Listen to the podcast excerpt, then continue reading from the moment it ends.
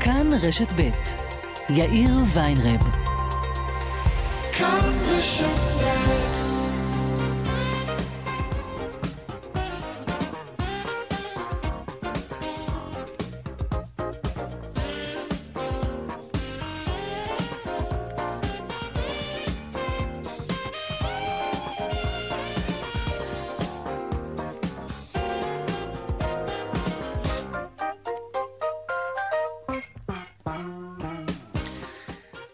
וכמעט שש דקות, כאן צבע הכסף ברשת ב', יום רביעי, שלום רב לכם. העורך רונן פולק, בהפקה רונית גור אריה, טכנאי השידור שלנו הוא רומן סורקין. הדואל שלנו הוא כסף, כרוכית, כאן.org.il. מדהים כמה מיילים אתם שולחים לנו בימים האחרונים בעניין סערת הטיפים שחוללנו, הטיפים במסעדות. אה, נעסוק בזה גם היום. כן, יש לנו הרבה מה להגיד, ולכל המלצרים שכתבו לנו כל מיני... מיילים על סף הגידופים, נגיד, לא, אנחנו לא נגד לתת טיפים למסעדה, למלצרים, ממש לא נגד. אנחנו רוצים לתת טיפים, אבל שזה יהיה בנוסף לשכר שאתם מקבלים. שלא ישתמשו בטיפים האלה כדי לשלם לכם את השכר. המשמעות היא סוג של בונוס. כן. כאן צבע הכסף, אני יאיר ויינרב, מעכשיו עד חמש, אנחנו מיד מתחילים.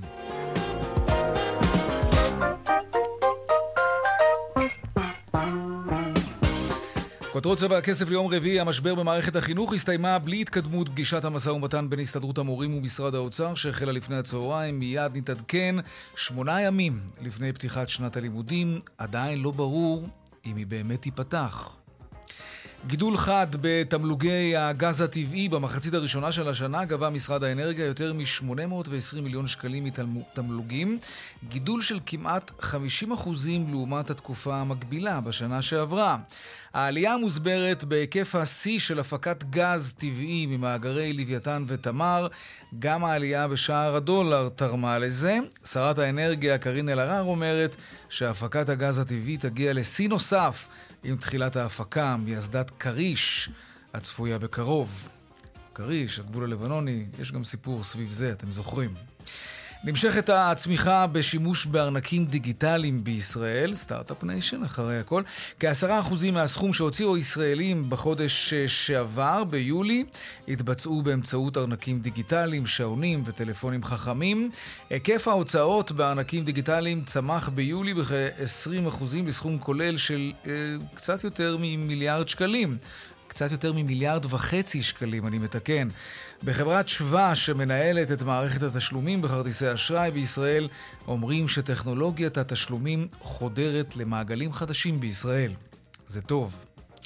ועוד בצבע הכסף בהמשך, כיצד השפיעה רפורמת הסימון של מוצרי המזון במדבקות האדומות על הרגלי הצריכה שלנו. אילו מוצרים אה, לקחנו פחות מהמדף בסופר, ואילו מוצרים כלל לא הושפעו מהסימון האדום. כלומר, צפצפנו על זה במילים אחרות. נעסוק בזה עוד מעט. וגם, אה, כאמור, לא כולל שירות. נמשיך גם היום לבדוק לאן באמת הולכים הטיפים שאנחנו משאירים למלצרים במסעדות. ועוד בהמשך, האינפלציה אומנם דוהרת, אבל אה, בכל הנוגע לחופשות שלכם, ההתאוששות בענף התיירות נמשכת. לראשונה מאז משבר הקורונה, מספר הלינות בבתי המלון בישראל עובר את מספר הלינות שהיו לפני המגפה. זה מדהים. נדבר על זה עוד מעט. והדיווח משוקי הכספים כרגיל לקראת סוף השעה, אלה הכותרות, כאן צבע הכסף. אנחנו מיד ממשיכים.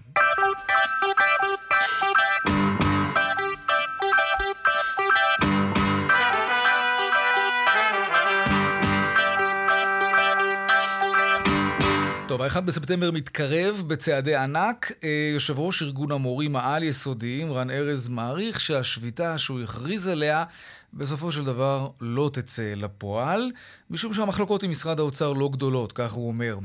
עם המורים ביסודי, הסיפור, כידוע, מסובך יותר. שלום איתי שיקמן, כתבנו לענייני חינוך. שלום יאיר, עם מי אתה רוצה שנתחיל? בוא נתחיל עם היסודיים, עם האגוז הקשה. אוקיי, okay, uh, לפני uh, ממש uh, כמה דקות, תשע, עשר דקות, הסתיימה פגישת המשא ומתן בין הסתדרות המורים לבין משרד האוצר במשרד האוצר בירושלים, פגישה שהתחילה בסביבות השעה 11 וחצי, אז אנחנו מדברים על כארבע וחצי שעות של פגישה שמסתיימת בלא התקדמות. בישיבה הזאת גם נוכחת, נוכחים נציגי משרד החינוך, להבנתי משרד החינוך עוד אמור להמשיך לשבת היום עם... עם אה, קובי בר נתן הממונה על השכר באוצר, אמ, כשבעצם הם, הם, לפחות נציגי הממשלה, יצטרכו לשבת עד שיצא עשן לבן ביניהם. משמע, עדיין יושבים שם וצריכים אה, לדבר על, ה, על בעצם על, ה, על, ה, על, על הטבלאות שמציגים, על איך מביאים את הכסף ולמה. בעצם את ההתאמה הפדג... הכספית לנושא הפדגוגי. Mm-hmm. זה עדיין, על זה אין הסכמה בתוך הממשלה עצמה, בין משרד החינוך למשרד האוצר. כששם תהיה הסכמה, אז יהיה אפשר לשבת כמו שצריך ממש עד הסוף עם יפה בן דוד ולבוא ולומר, הנה זו עמדת ממשלת ישראל, לא רק משרד האוצר, אלא ממשלת ישראל, משרד החינוך ומשרד האוצר, ואז כשיגיעו לזה, אז יהיה אפשר להתקדם אה, מול יפה בן דוד בצורה אולי קצת יותר של חזית אחת, כי, כי כרגע נראה שמשרד החינוך אה, יותר בצד של אה, הסתדרות המורים מאשר של משרד האוצר. כן, טוב, זה המצב שם. מה לגבי התיכונים? תשמע, אמ, רן ארז בעצם כבר החליט שהוא הולך לשביתה אה, מזמן, לירן חוג'אינו פרסם את זה אצלנו אה, בחדשות הערב לפני כשבועיים. אה, הוא חיכה עם זה באופן רשמי, גם החלטה של המוסדות שם בארגון המורים, כביכול המוסדות, בסופו של דבר כולנו יודעים שארגון המורים זה, זה רן ארז ומה שהוא מחליט זה מה שעושים. אז אתמול הוא, הוא כבר אמר לפני שבוע שהאולטימטים שלו למשרד האוצר הוא עד ל-23 בספטמבר, כשב-20, סליחה, 23 באוגוסט, כשב-24 באוגוסט הוא יודיע. אז הנה הוא הודיע. היום קמפיין, אה, של, קמפיין של שלטי חוצות בדרך לירושלים אה, עולה עם אה, קריאה שם גם לראש הממשלה לפיד וספירה לאחור עד ל-1 בספטמבר, עד לשביתה שתצא לדרך. רן ארז אומר מצד אחד, אני מודיע על שביתה ב-1 בספטמבר, מצד שני הוא אומר, אני מאמין שהשביתה הזאת לא תקרה, אני רק מחכה שהאוצר יחתום לי. יש שם פערים בכל הנוגע להסכם הקיבוצי, שוב, שהוא לא על כסף, כי רן ארז מחכה שיפה בן דוד תסיים את המשא ומתן על כסף, אלא בכל הקשור לרפורמה בבגרויות ול... קיצור שבוע עבודה לחמישה ימים, הוא רוצה את זה מעוגן בהסכם קיבוצי מול משרד האוצר. המתח בשיאו. איתי שיקמן, כתבנו לענייני חינוך, תודה רבה. תודה לך.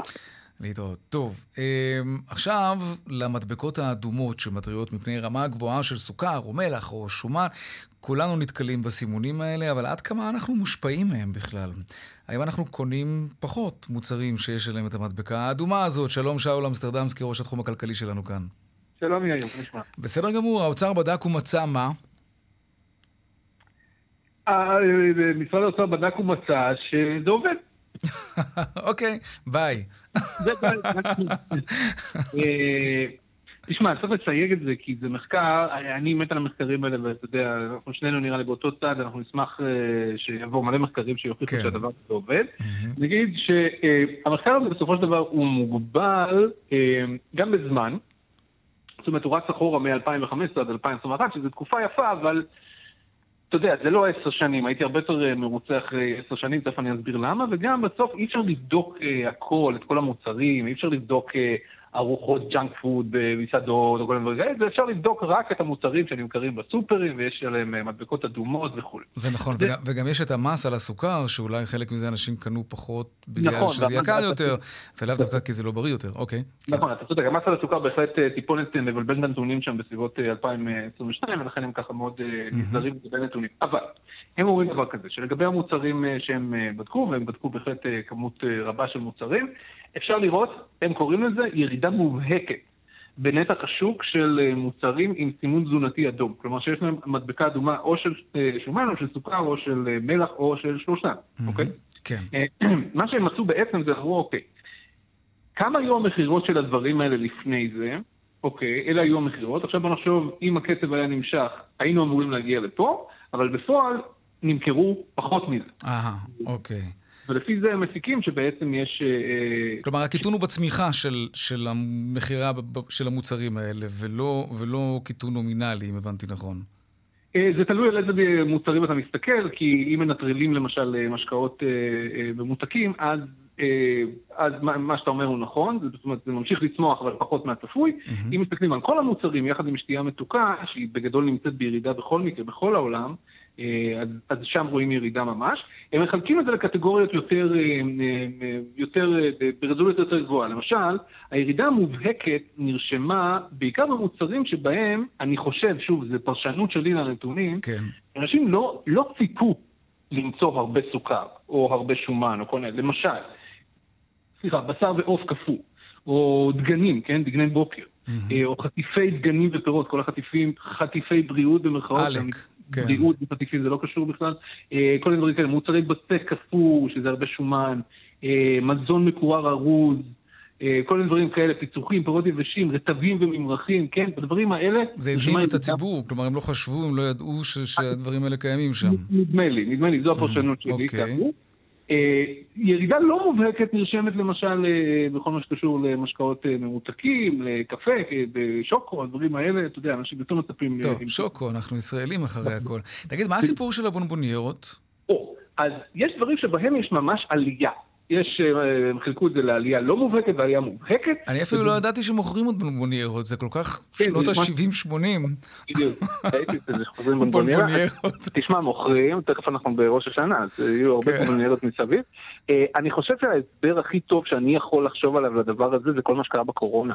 אה, בקורונה אנשים התיישבו בבית והחיים שלהם יהיו מאוד מאוד עצובים, באמת. אה, ואז הם חיפשו נחמה מתוקה. שהם חיפשו נחמה, בהחלט כן. כן. אה, אבל שוב, זה ממש אה, פרשנויות שלי לסיפור הזה. או שבגלל שבולבונייר זה בדרך כלל מתנה, ואז כאילו, הם לא חסים על הבריאות של, הם חסים על הבריאות של עצמם, אבל לא של אחרים. זאת פרשנות כן. של רונן פולק. אפילו בכוונה, הם רוצים שהדוד ה... כן. בדיוק. תלוי כמה כסף יש לה סתם, לא יפה, די. אוקיי. טוב, תשמע, תגיד, אבל אנחנו יכולים לדעת כמה זה השפיע על הצד השני? כלומר, אה, כמה יצרנים הפחיתו את המרכיבים או. המסוכנים בגלל זה?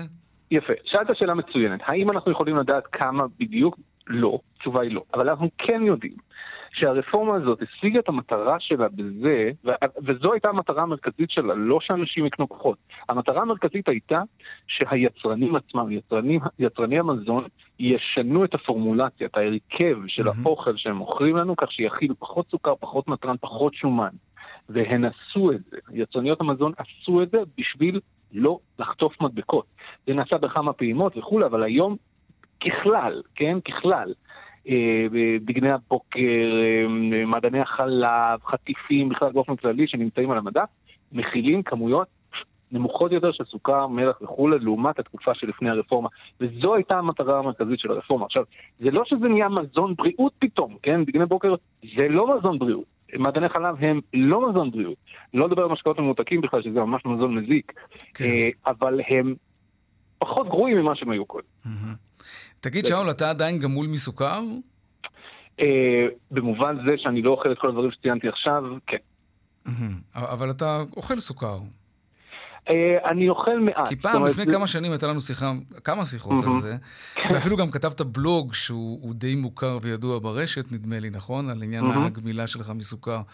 אה, אני זוכר שהייתה תקופה שהיית אומר, אני לא נוגע בשום דבר נכון, שיש בו סוכר. נכון, התנזרתי לחלוטין, נכון? עדיין? לא, מהסיבה הפשוטה שהמשקל שלי פשוט ירד וירד ולא עצר. אה, ואז mm. אה, הבנתי שאני צריך לאזן חזרה פחמימות. אבל אה, את כל הדברים שציינתי, זאת אומרת מאפים, קינוחים, דגני בוקר, לא מעדני, לא אוכל. לא, ואם בא לך פתאום גלידה? אז אני אוכל גלידה. אה, בקיץ. רגע, רונן אומר, אני ראיתי אותו אוכל מה? מה? מה אכלתי? הוא אומר שהוא ראה אותך אוכל מגנום, זה לא יפה, רונן. הוא לא ראה אותי אוכל מגנום, כי אני לא אכלתי מגנום, זה לא. הרבה שנים. הוא ראה אותי אוכל... אה, יש את הפודקאסט שלך על המגנום, נכון? אה, אוקיי, בסדר, זה שני דברים שונים. כן, כן, כן, תרמת את זה. שאול אמסטרדמסקי, תענו כרגיל, תודה רבה. תודה, להתראות. טוב, אמ, מגפת קורונה. אה, אנחנו כבר לא מדווחים על זה בכלל, אבל אנחנו תמיד נהנים לדווח עד כמה היא כבר באמת לא קיימת כאן, למרות שהיא כן. למרות שהיא כן, זה ת, תמיד צריך לזכור שהיא ברקע. תיירות, מתברר שלינות התיירים בבתי המלון בישראל חזרו אה, כמעט, עוד לא ממש לגמרי, למספרים שהיו כאן לפני הקורונה. מספר אה, הלינות ביולי השנה אה, הוא שני מיליון אלף. שעכשיו, אני מסתכל על הטבלה, זה בעצם יותר אפילו לפני הקורונה, אז למה כמעט טוב? ננסה להבין. שלום שי ברנע, מנכ"ל מלון אה, יהודה בירושלים, ישי ברנע, סליחה, מנכ"ל מלון יהודה בירושלים וחבר הנהלת איגוד בתי המלון והתיירנות. שלום לך. שלום וברכה, יאיר. שיא אוגוסט, אתה מלא לגמרי, אפס מקום? אנחנו די, די מלאים, אפשר לומר. Mm-hmm. צריך באמת אה, לומר תודה לישראלים שמשנסים מותניים ומגיעים אה, לבקר בירושלים, אנחנו שמחים על זה מאוד. אפשר לומר שגם במקומות אחרים בארץ. חשבנו, אפשר לומר שבתחילת אוגוסט, ככה לא ידענו אנה אנו הולכים, מכיוון שהישראלים משום מה ואני יכול לומר שגם אני ישראלי וגם אני נוהג באותה הצורה, אה, נוהגים להזמין את החדרים, את, ה, את הנופש שלהם כן. ברגע האחרון. Mm-hmm. וזה קורה, זה קורה כל הזמן, ולכן כל הזמן אנחנו מופתעים מחדש. כמה שזה כל כך קרוב לביקור של הישראלים, ממש כן. ברגע האחרון. יש לנו תמיד את הוויכוח הזה כאן בצבע הכסף לרונן ולי, מה, מה באמת עדיף? לחכות לרגע האחרון כשאתם לחוצים, או להזמין מוקדם כשאנחנו לחוצים? שאלה מצוינת, שאלה מצוינת, כי השאלה בדיוק מתי מזמינים, אבל אני חושב שבסך הכל אה, צריך אה, אה, לראות ולהתעדכן כל הזמן, מכיוון שישנם שינויים, היום אה, בעצם זה סוג של בורסה. אפשר לראות שישנה אה, עלייה וירידה של מחירים כל הזמן, ממש כמו בטיסות אה, פנים וגם בטיסות אה, בינלאומיות. כל הזמן יש שינויים במחירים על פי אה, הרבה מאוד אה, נתונים ופרמטרים שאנחנו mm-hmm. משתמשים בהם בחישובים כאלו ואחרים. אז זה לא מדע מדויק. ולכן, ולכן זה ודאי לא מדע מדויק, וצריך כל הזמן להיות ערני למחירים, mm-hmm. ו- ולתפוס את המחירים בזמנים טובים יותר. Okay. אוקיי. אבל אין לזה חוקיות, זה, לא- תגיד, לא, זה לא משהו שאפשר... אה, כשאתה מסתובב במלון שלך, מלון אה, יהודה, או בכלל במלונות, כי אתה גם חבר הנהלת איגוד בתי המלון, כן. אה, תיירים ישראלים או תיירים מחו"ל? מה, מה אתה לא, לא, זה תי, תיירות פנים כרגע באוגוסט בכלל, אה, הקיץ מתאפיין בתיירות ישראלית mm-hmm. כבר שנים ארוכות, התיירים פחות מגיעים לכאן ביולי ובאוגוסט, ותחילת התנועה של התיירות הנכנסת, של התיירות מחו"ל, מתחילה בדרך כלל בספטמבר, אבל עיקרה באוקטובר, נובמבר, ואחר כך דצמבר וינואר יורדת mm-hmm. מעט שוב. אז נובמבר ודצמבר, ונובמבר ואוקטובר אלו החודשים החזקים ביותר ויש, של התיירות הנכנסת. יש הזמנות כבר? אתה יכול להגיד שבספטמבר יש, יש, יש הזמנות, ודאי שיש הזמנות. אי אפשר לומר שזה דומה עדיין למה שהיה ב-2019, mm-hmm. שהייתה שנת שיא לישראל בתיירות נכנסת. אבל אנחנו, אנחנו מאוד מקווים שזה ילך וישתפר, ושנת 23 כבר תהיה שונה לחלוטין, ונקווה שאפילו נוכל לעבור את מה שהצלחנו להשיג ב-2019. בתקווה, בתקווה גדולה מאוד, כי ישנם שינויים אה, גלובליים עצומים. כן. קודם כל, יש לזכור שהתנועה מהמזרח הרחוק כמעט ולא קיימת. אה, הכל סגור שם אה, עדיין אה, כתוצאה מהקורונה. לא לשכוח שיש לנו את המלחמה ברוסיה, אוקראינה, שהמצב שם גורם לכך שקבוצות תיירים שנהגו להגיע משתי מדינות ענק שכאלה לא מגיעות לישראל כמעט. נכון. יש את העניין של יש את האינפלציה חברת בעולם. התעופה איירפלוט שכמעט, שכמעט לא טסה היום לא כתוצאה מהמגבלות כן. הקיימות. יש גם את יוקר המחיה כן שמשפיע. לא גם האינפלציה, אפשר לראות גם ש... ישראל יקרה מאוד, כן. ישראל יקרה, יש פה יחסית, יחסית לאותם אירופאים, שאתה יודע שהמצב של היורו כתוצאה מהמלחמה, כן. כנראה אה, גורם לכך שמחירי הטיסות עבורם הם יקרים מאוד, וקשה להם מאוד להגיע לנו זה זול, להם זה יקר, כי השקל חזק. בדיוק, לצאת החוצה, אה, לנו זה, זה מאוד כיף ונעים. אבל uh, להגיע כנראה לכאן, זה, זה המחירים, במיוחד המחירים, יש פה, יש הרי, יש כנס גדול שתמיד uh, ישנו בסוכות כאן בישראל, שלא מתקיים השנה משום מה, אבל התשובה היא ברורה, כשאנחנו מבררים את זה, אז אנחנו מבינים של, של, של uh, התנועה הנוצרית. שנמצא כאן בירושלים, ופשוט הפעם הכנס לא מתקיים בכלל, וחבל, אה, וזה בעיקר בגלל מחירי הטיסות, ולכן תיירים okay, כן? פחות מעניין. מגיעים. וזה, וזו פגיעה גדולה וקשה. פגיעה מעניינת מה שסיפרת עכשיו. אה, בדיוק, זה מיד, זה, זה האפקט של הקורונה אפשר לומר, אה, כן. שממש אפשר לראות אותו בא לכדי ביטוי. ישי ברנע, מנכ"ל מלון יהודה בירושלים, תודה רבה לך. תודה רבה לכם, תודה רבה, ונשמע בשורות טובות. אמן, תודה. טוב, אה, שחקני ואנשי הצוות של אלופת ישראל, מכבי חיפה, חזרו מוקדם יותר לארץ. אה, לאחר ה-2-2 הדרמטי אמש מול הכוכב האדום ששם את מכבי חיפה בשלב הבתים. שלום ליאן וילדאו, עורך הספורט של כאן ב'. אך, כן, שלום. כן, זאת... שומעים ברקע כבר את הקולות ממש מלפני זמן קצר בנמל התעופה בן גוריון. כן. לא, יש שם מאות אוהדים ירוקים שהגיעו ונושאים על כפיים את השחקנים וחוגגים את העלייה.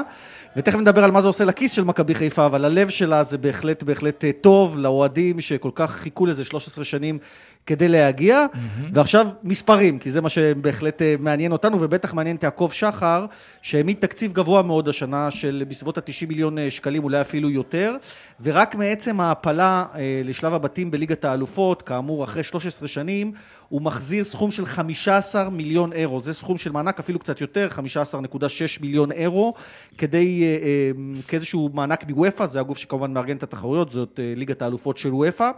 וזה לא הסוף, כלומר זה סכום התחלתי, כלומר חלק ניכר מהתקציב כבר כוסה על ידי אותו מענק, אבל אה, אם מכבי חיפה תשכיל וגם תנצח באחד משישה משחקים שיש לה בשלב הבתים, בוודאי משחקים שהם סולד אאוט, ותכף נדבר גם על ההיבט הזה, כל ניצחון יעניק לה עוד כ-2.8 מיליון אירו. עבור משחק אחד, אני מזכיר, עבור ניצחון אחד, גם תוצאת תיקו מעניקה כ-980 אלף אירו, הכל מענקים אה, של וופא, ופה אנחנו עוד לא נגענו בענייני אה, הפרסומות והשיווק, גם שם יש אה, בטח עוד איזה שהם חמישה מיליון אירו על הרצפה, מה שנקרא, ובלי קשר למכירות הכרטיסים, יהיו לפחות שלושה משחקי בית, שבהם איצטדיון סמי עופר, שיש בו כ-30 אלף מקומות ישיבה, יהיה מלא לחלוטין, כלומר כל הכרטיסים יימכרו, בין אם במינויים לפני כן ובין אם בכרטיסים תוך כדי.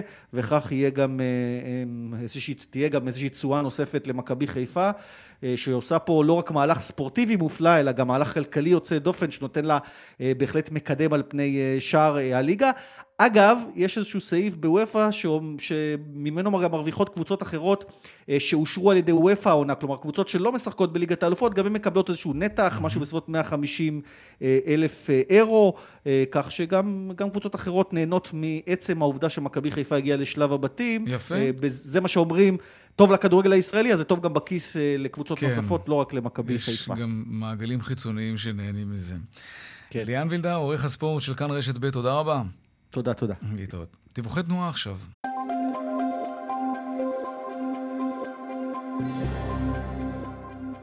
טוב, אז ככה, אה, בדרך החוף צפונה עמוס מגעש עד נתניה, ובהמשך ממחלף חבצלת עד מכמורת, באיילון צפונה עמוס ממחלף לגוארדיה עד רוקח, ודרומה ממחלף ההלכה עד חיל השריון.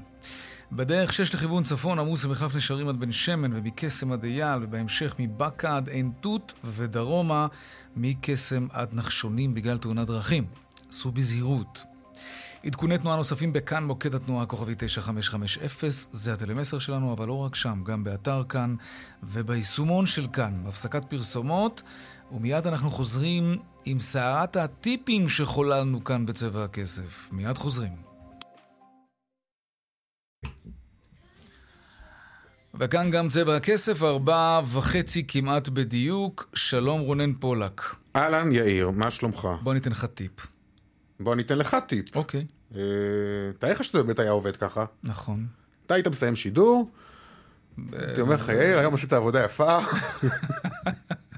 קח תשר. קח משהו. קח תשר. תשמע, אנחנו ממשיכים לקבל הרבה מאוד uh, תגובות לסיפור הזה, וצריך לומר, תשמע, בגדול זה לא סיפור חדש, אבל אנחנו פשוט הופתענו לגלות עד כמה כמעט אף אחד מאיתנו לא ידע ש, ש, שככה זה עובד. ולכן זה כן סיפור חדש. לא, זה נכון. כל כך הרבה אנשים באים ואומרים וכותבים לנו, וגם פה במסדרונות, בתאגיד. לא ידענו, לא ידענו שהטיפים שלנו בעצם משלמים את המשכורת של המלצרים. חשבנו שזה בנוסף למשכורת שלהם.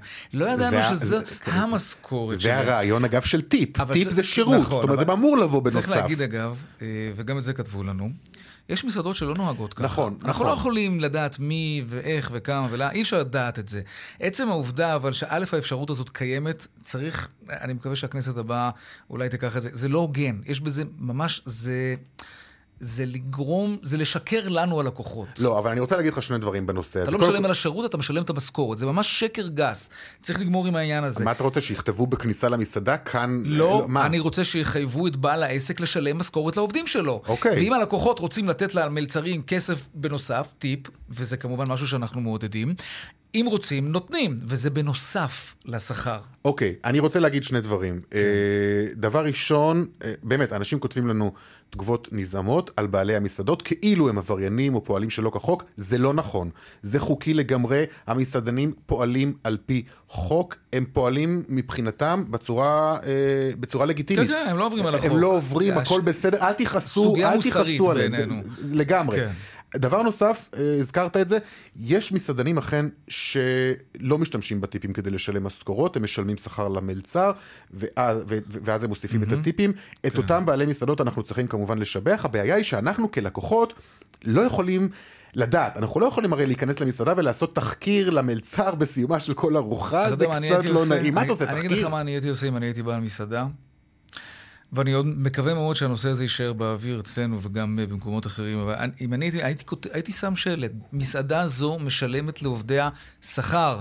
כן. נודה לכם אם תוסיפו להם על השירות. נכון, כן. האמת, כן, כן, כן. אני כן. חושב שאפילו ניסחתי את זה לא רע, לא, וככה לא, די לא בשלוף. לא רע, ככה אתה גם כן. כן. אפשר טיפה לשייף טיפה את הטקסט וזה, אפשר להוציא מזה משהו. לשייף לך, כן. כן. אני רוצה להקריא דווקא תגובה אחת באמת של בעל עסק שכותב לנו, אה, הוא אומר, אני נותן משכורת עם כל התנאים, כולל ימי חופשה ומחלה, מעבר למשכורת הזאת, מתחלקים הטיפים בין העובדים. אתם אומרים דברים שהם לא נכונים, הוא אומר לנו. כל הטיפים עוברים לעובדים. זה נכון שבמצב הנוכחי העובדים מפרישים את עלות המעביד על החלק של הטיפים, אבל העסק לא מקבל כלום מהטיפים, רק העובדים והמדינה. מצוין. אני יודע שעסקים שנוהגים כך נדירים, אבל אמירה חד משמעית כזאת שלכם יכולה לפגוע גם בנו הנדירים, והנה אנחנו מבהירים את זה. כן, יש גם מקרים כאלו, וכן, צריך לשבח גם את האנשים האלו. אוקיי, בואו נצרף את גל דוד, שעבד עד לאחרונה ברשת מסעדות של ההמבורגרים. שלום גל.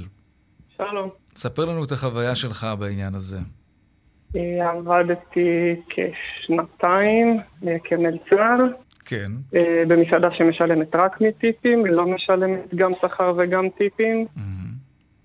למה הסכמת? רגע, רגע, כלומר, לא, לא, לא, אני רוצה אבל להבין את הנקודה הזאת. זאת אומרת, מה שאתה אומר זה שאני כלקוח מסיים ארוחה, אני משאיר במסעדה שבה אתה שירתת אותי כסף כי אתה חייכת וכי היית נחמד והיית באמת מקסים ועשית את השירות על הצד הטוב ביותר ורציתי לצ'פר אותך ולתת לך מעל ומעבר, אוקיי? ואז בעצם אתה אומר לי שהכסף לא הזה... לא מעל ולא מעבר. הכסף הזה בעצם... הוא לא מעל כן. ולא מעבר, זה בעצם המשכור... זו בעצם המשכורת שלך?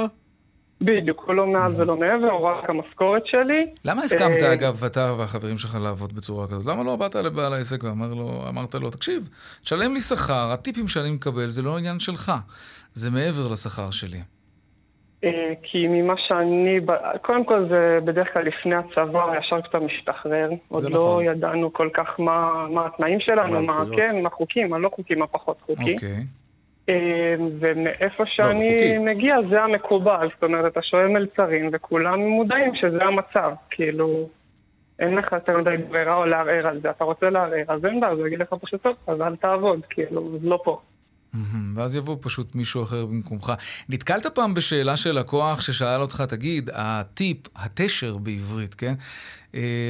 שאני נותן לך, או נותנת לך, זה משהו שאתה מקבל אותו מעבר לשכר, או שזה השכר? מישהו בכלל, כלומר, ציבור הלקוחות ער, היה ער לעניין הזה? זה משהו שעלה בצורה כזאת או אחרת? לקוחות שואלים, הם לא שואלים אה, האם זה מעבר, הם פשוט שואלים אם זה מגיע אליי. זאת אומרת, יש כאלה שחושבים שזה מגיע למסעדה. נכון, כי זה באמת מה שמעניין אותם. ואתה מקבל fix price כן. תמיד, אז זה לא נכון. זה כן, כאילו, זה כן ישנה אם מישהו ישיר יותר או פחות, זאת אומרת, זה כן ישפיע לי על גודל המשכורת. אבל זאת המשכורת, זאת המשכורת, ולא מעבר למשכורת שלי. כן, מה שהוא אומר זה הגיוני, כמובן שבסוף זה ישפיע על המשכורת שלו, כי אחרי ש... ש... ש... שבעל המסעדה יגיע ל... לרף המקסימלי, הוא לא יצטרך להוסיף עוד, אז יהיה את הטיפים שיהיה אפשר להוסיף. אתה ניסית גם לשאול, אתה יודע, אתה יודע איך זה עובד אצלכם, איך זה עבד אצלכם במסעדה? מאיפה אתה יודע? איך את... שאלת לפעמים? ביררת? אמרת, סליחה. או שידעת מראש. שאלתי וקראתי את החוזה ההפסקה. זה עובד בעיקרון, אין תקרה. זאת אומרת, זה יכול להגיע עד כמה שזה מגיע בטיפים, אבל יש את המינימום. זאת אומרת, אם לא מגיעים למינימום, כן נדרש מהמעסיק להשלים לך כן, מכיסו. כמה זה היה מגיע בסוף חודש, אגב? זה היה מסתכם בשכר מינימום? אגב, אם, אם זה מסתכם בפחות משכר מינימום, בעל המסעדה חייב להשלים את זה על פי חוק לשכר מינימום. את זה גם צריך כן, להגיד. כן, בדיוק, הוא חייב להשלים את ההפרש. מה היה קורה בסוף חודש, כשהיית סוכם את, ה... את, את, את השכר שאתה מקבל, את הטיפים? זה היה עובר את שכר המינימום או שפחות? Uh, היו חודשים שהייתי מאוד קרוב לשכר, היה חודש אחד שהייתי מעל. Mm-hmm. עבדתי גם הרבה בזמן הקורונה, ככה שיש הרבה פחות, uh, היו הרבה פחות צועדים, והיה ברור. תקופה גדולה שבכלל לא יושבים במסעדה, ואז היינו רק על מינימום, בלי בכלל טיפים, אבל... וכשזה היה פחות משכר המינימום, אז בעל הבית כמובן היה משלים את זה לשכר המינימום. כן, הוא, חי... הוא, הוא מחויב להשלים את זה. לעגל כאילו, לפחות להגיע לשכר המינימום. כן, והפרשות סוציאליות, ביטוח לאומי, פנסיה, וזה כמובן גם כן מופרש. זה מופרש, כן. רק אבל... אה, א', כן, לפעמים זה אפילו מתוך הזה, אבל זה רק, אה, זאת אומרת, רק על שכר מינימום. שכר כאילו מינימום. כל מה שעשינו מעבר לזה, זה לא נחשב. אוקיי. זה בנפרד. גל דוד, אה, עבדת עד לאחרונה ברשת מסעדות המבורגרים. תודה רבה לך על השיחה הזאת ששיתפת אותנו לכם. בחוויה שלך בסיפור הזה. נצרף עכשיו את אור אה, רצבי מהסתדרות הנוער העובד והלומד. שלום אור. שלום, מה נשמע? בסדר. מה את אומרת על העניין הזה? וואי, אני יש לי הרבה מה להגיד, אתה פה מדבר איתי על משהו היום-יום שלי, עם הלחם כן? והחמאה שלי, כן, בטח. תגידי, אני עוסקת. תגיד, אנחנו לפחות הופתענו מעד כמה אנשים לא היו מודעים לדבר הזה. אנשים, אתה אומר, זה לקוחות. הלקוחות, כולנו לקוחות באיזשהו שלב, כן? תראו, אני יכולה להגיד לכם משהו... אמ, יש לי דברים גם קצת עצובים לומר. כן. התחום הזה של מלצרות היום מוחזק בידי בני נוער וצעירים כמו שגל אמר, אחרי צבא, לפני צבא. כן, זה לא מקצוע כל... לחיים. Uh, היום זה לא מקצוע לחיים, אבל יחד עם זאת, ביחד לזה שזו אוכלוסייה יחסית מוחלשת, אוכלוסייה שקל להגיד לה ככה וככה, וכמו שאמרת, אולי הם לא יעמדו על הרגליים האחוריות, mm-hmm. ופשוט מעסיקים, מנצלים את זה, וכשאמרתם mm-hmm. שמעסיקים נצמדים לחוק, נכון, יש מעסיקים שנצמדים לחוק, אבל אני ראיתי גם מקרים מאוד מאוד קשים שמעסיקים לא רק לא נצמדים לחוק, גם את הבסיס שהכי מובן מאליו לא מעניקים לאותם העובדים. מה זאת אומרת? הרב. מה, לא משלימים לשכר מינימום בסוף החודש? אה, לא משנה, אם זה להעסיק בני נוער בשעות אה, שתיים mm-hmm. בלילה ולדאוג להם להגיע הביתה. אם זה לא לשלם להם שעות נוספות לשבת, להשאיר אותם שעות על גבי שעות או בשבתות, ולא להשלים להם את זה mm-hmm. ל-150% או ל-125%. אה, אנחנו נרחיב את היריעה הזאת אולי בהזדמנות אחרת. בואי נתמקד אבל היום באמת בעניין. הזה של הטיפים. האם אתם כן, כן חושבים בנוער העובד והלומד.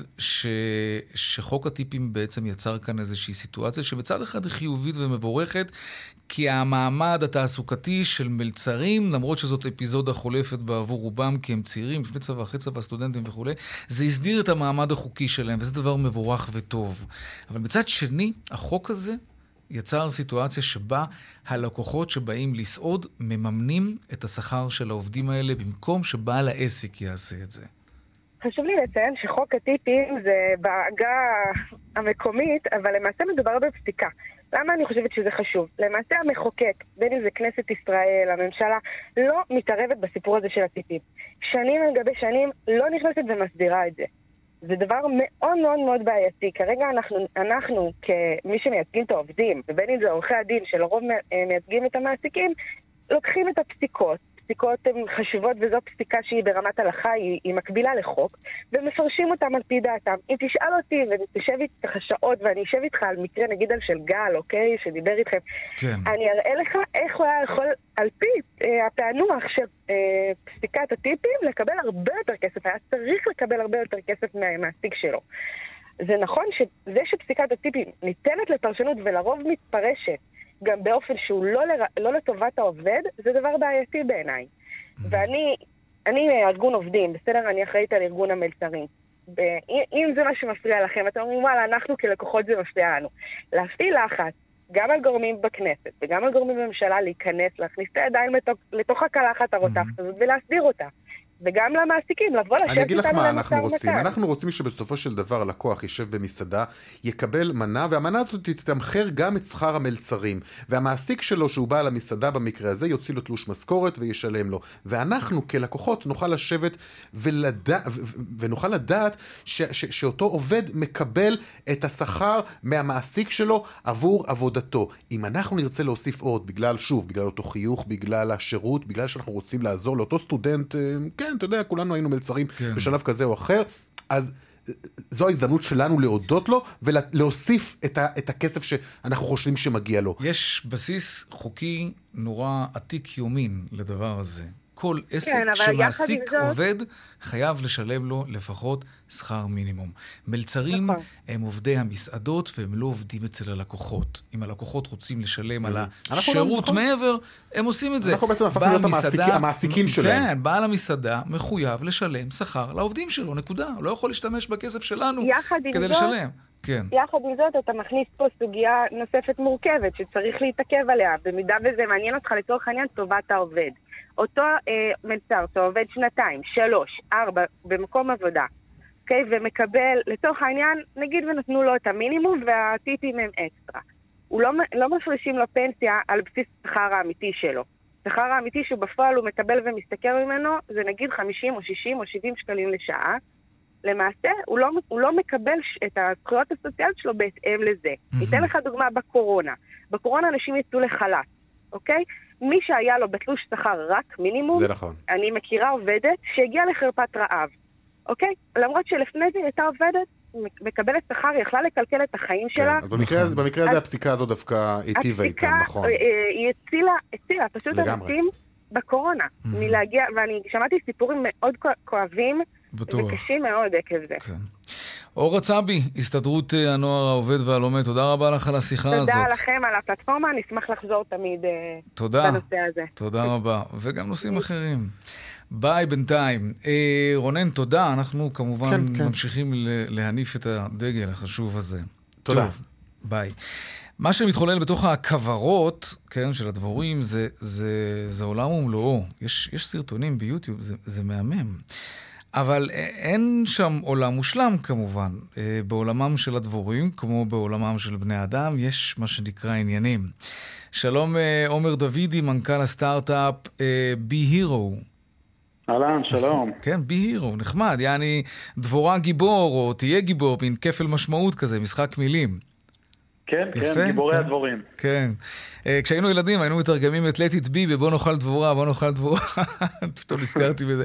תגיד, לקראת ראש השנה באמת כדאי ש, שנלמד משהו uh, על מי שעושים לנו את כל המתוק הזה. מה הסטארט-אפ שלכם עושה? אה, אז למעשה דיברת על הדבורים ועל ראש השנה ועל הדבש, אבל לדבורים יש תפקיד טיפה יותר משמעותי בחיים שלנו. Mm-hmm. למעשה 70% מהגידולים החקלאיים תלויים בהאבקה. ההאבקה של שלהם, דבורים, כן. שמאפשרים את המזון, אז גם אותו תפוח שאותו אנחנו טובלים בדבש, גם הוא היה תלוי בהאבקה של דבורה. ואחד האתגרים שאנחנו מתמודדים בשנים האחרונות, בעשור האחרון, זה למעשה תמותה הולכת וגוברת של אה, דבורים, של כוורות דבורים. יודעים להסביר את זה אגב? כי זה באמת נורא, לפני כמה שנים התחילו באמת להפחיד אותנו עם העניין הזה. יש כאלה שאפילו אמרו, זה סוף העולם אם הדבורים ייעלמו, ואולי זה אפילו במידה מסוימת נכון. מה גורם באמת לתמותה הזאת של הדבורים ברחבי העולם? אנחנו יודעים כבר? אה, זה שילוב של כל מיני אה, סטרסורים, אה, של כל מיני דברים שקורים בעולם, שהופכים את החיים של אותם דבורים וחזקים באופן כללי להרבה יותר קשים. Mm. החקלאות האינטנסיבית שגדלה פה מתוך הצורך להמשיך ולהאכיל את האוכלוסייה הגדלה, שימוש בחומרי הדברה, שינויי אקלים וכן הלאה, אה, כל הדברים האלה מהווים יותר ויותר אה, קשיים על דבורים לשרוד, והרבה יותר קשיים על מגדלי דבורים לשמר את הכוורות האלה mm-hmm. במצב מתפקד. אוקיי, okay. אז כאן נכנס הסטארט-אפ שלכם שעושה? למעשה פיתחנו סנסורים שיושבים בתוך כוורות דבורים ועל ידי חישה של מה שקורה בתוך הכוורת ובסביבת הכוורת אנחנו יודעים להתריע על אותן מצוקות בכוורת, אותן בעיות שבסופו של דבר מתורגמות לכוורות שמתות, אה, ולהתריע ולהגיד באיזה כוורת יש צורך להחליף מלכה ואיפה יש בעיה של טפילים וכן הלאה. אה, כן? אה, עד כדי כך? איפה צריך להחליף מלכה? זה ממש נשמע כמו פוליטיקה. אה, כן, בימים אלה אני חושב שהכל נשמע כמו פוליטיקה, אבל אה, חד משמעית, יש דברים שאפשר היום לעשות. רגע, ואם צריך, אם צריך להחליף מלכה, אז מה עושים? אז למעשה יש שתי שיטות היום בתעשייה להחליף מלכה, אפשר להביא תא אה, של מלכה, ביצה שבתוכה יש מלכה, ולשים אותה בכוורת, והמלכה תבקע לתוך הכוורת ותהפוך להיות מלכת הכוורת. אה, יש עוד איזושהי טכניקה שאפשר אה, להביא מלכה שהיא כבר חיה ומתפקדת לתוך הכוורת, אבל מגדלי הדבורים יודעים היום לטפל בבעיות, הקושי הגדול הוא באמת להבין בצורה מהירה מה קורה. נכון, נכון. אוקיי. אז מה, אתם מצלמים תוככי הכוורת? או שזה נעשה בטכנולוגיה אחרת? אה, אז אנחנו למעשה משתמשים בחיישנים של אה, טמפרטורה, לחות, אה, צליל וכן הלאה. אוספים את המידע הזה, מעלים אותו לענן ושם מתבצעת אנליזה קצת יותר מורכבת באמת לזהות את אותן תבניות ולהתריע על הבעיות הספציפיות מתוך מטרה באמת לשפר את בריאות הכוורות ולדאוג שלאחר מכן כשהן נפרסות בשדה להאביק את אותם גידולים חקלאיים אנחנו נוכל למקסם את התוצר. מעניין. האמת זה ממש מרתק. תגיד, אבל בתקופה שמפתחים כבר אה, דבש מתורבת במעבדות, יכול להיות שאנחנו נניח לדבורים להיות חלק מהטבע ולא נציק להם יותר, ו- ואז בעצם כל העניין הזה אולי כבר פחות רלוונטי? אה, אז אני מסכים שלפתרונות הדבש כנראה שיש טכנולוגיות נוספות שיכולות להיכנס. אני חושב שאם אנחנו חוזרים למהות העיקרית של אותם חרקים, אה, להביא גידולים חקלאיים, אם אנחנו לא רוצים אה, בסופו של דבר לאכול רק אה, תירס ואורז, אה, אז כנראה שאנחנו נצטרך להמשיך ולהקדיש משאבים בשביל לפתור את הבעיה. כנראה. יפה, טוב, רק נציין שהסטארט-אפ שלכם נבחר מבין 125 אה, אה, יזמים ויזמיות ישראלים כדי להשתתף בוועידה במסגרת אירועי 125 שנים לקונגרס הציוני הראשון בבאזל, ועידת אימפקט. תודה רבה לך ובהצלחה, עומר דוידי, מנכ"ל הסטארט-אפ בי-הירו. תודה. תודה רבה. יום טוב. עכשיו אה, נראה מה קורה בכבישים.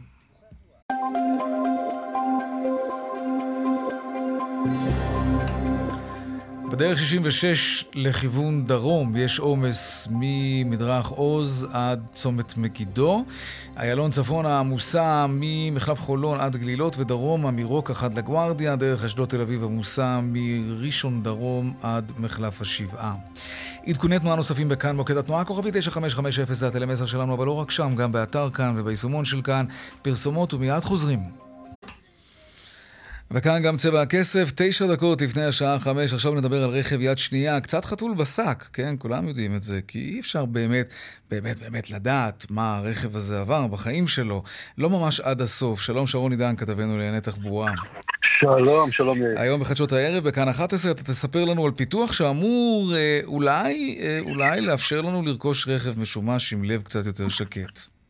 נכון. תראה, קודם כל מדובר על איזושהי אפליקציה חדשה, די מדהימה צריך לומר, עם אה, אחוזים אה, מאוד מאוד טובים של מידע, מעל 99.9 אחוז, שבה mm. בעצם אתה יכול עוד לפני שאתה בכלל פוגש את הבן אדם, אה, לשבת על הספה בבית ולבדוק לפי נתונים של מספר רכב וכדומה, האם הרכב הזה עבר כל מיני דברים. עכשיו, איך האפליקציה הזאת עובדת? היא בעצם, במקום שאתה תלך אה, הרבה פעמים למשרדים ממשלתיים, לחברות ביטוח, עיקולים שעבודים, בנקים, מוסכים וכולי, זה איזשהו אלגוריתם שבעצם בודק הרבה מאוד פרמטרים ונותן לך שורה תחתונה תוך פחות משתי דקות. כלומר, אתה יכול אחרי שתי דקות לקבל את הפרופיל של הרכב שאתה התעתדת לקנות. אגב, הרבה מאוד עסקאות, לשמחתנו, נופלות בגלל הדבר הזה. יש לנו הרבה מאוד uh, בשוק הפרמוט הזה uh, עניינים שקשורים לשרלטנות ולרמיים. רק לסבר לך את כן. האוזן, כמיליון רכבים בשנה נרכשים במה שנקרא יד שתיים. משהו כמו בין 7 ל-8 אחוז מעריכים עם פגמים די מהותיים, כן, ברכב, שהרבה פעמים אתה גם לא עולה עליהם. בואו נשמע רגע את אחד המתכנתים, אה, את אחד ממי שיצרו את התוכנה, נאור, מסביר לנו קצת על הסיפור הזה. אוקיי. כשהגענו לעולם הזה של עולם הרכב, הבנו שכל המידע בעצם מפוזר במאגרים של חברות הביטוח, משרד התחבורה, רשות המיסים, משרד המשפטים אה, ועוד מקומות נוספים. מה שעשינו זה פיתחנו טכנולוגיה שמסוגלת לקרות את המידע הישר לתוך המערכת שלנו, כדי שנוכל להנגיש את המידע הזה בזמן ללקוחות שלנו. זה נשמע טוב. זה ממש נשמע טוב, ואני מוכן לומר לך שזה באמת, תוך פחות מ-120 שניות היה אצלי במייל כשאני בדקתי, ובאמת נתן הרבה מאוד פרטים, אגב, גם פרטים טכניים רגילים, לדעת אם הרכב הזה אה, הוא רכב אה, שלתוך העניין משתמש בו אה, נכה, מתי הוא עבר טסט, וגם את אותם דברים שכנראה מנסים להסתיר מאיתנו. יותר מזה אני אגיד לך, חלק גדול ממכוני הרישוי והבדיקה גם מוכנים לזכות את האדם שבוחר להשתמש בדבר הזה, אם הוא באמת עושה גם בדיקה בהמשך. כן. השירות הזה עולה כ-120 שקלים, לא יודע אם להגיד לך זו או לא, לא, בוא נאמר שביחס לפוטנציאל של הנזקים, כנראה שזה שווה את ההשקעה. בהחלט, וכל אחד יעשה כמובן את החשבון שלו. שרון עידן, תודה רבה. הערב, בחדשות הערב, בכאן 11, הסיפור המלא. תודה. להתראות. אה, העדכון משוקי הכספים.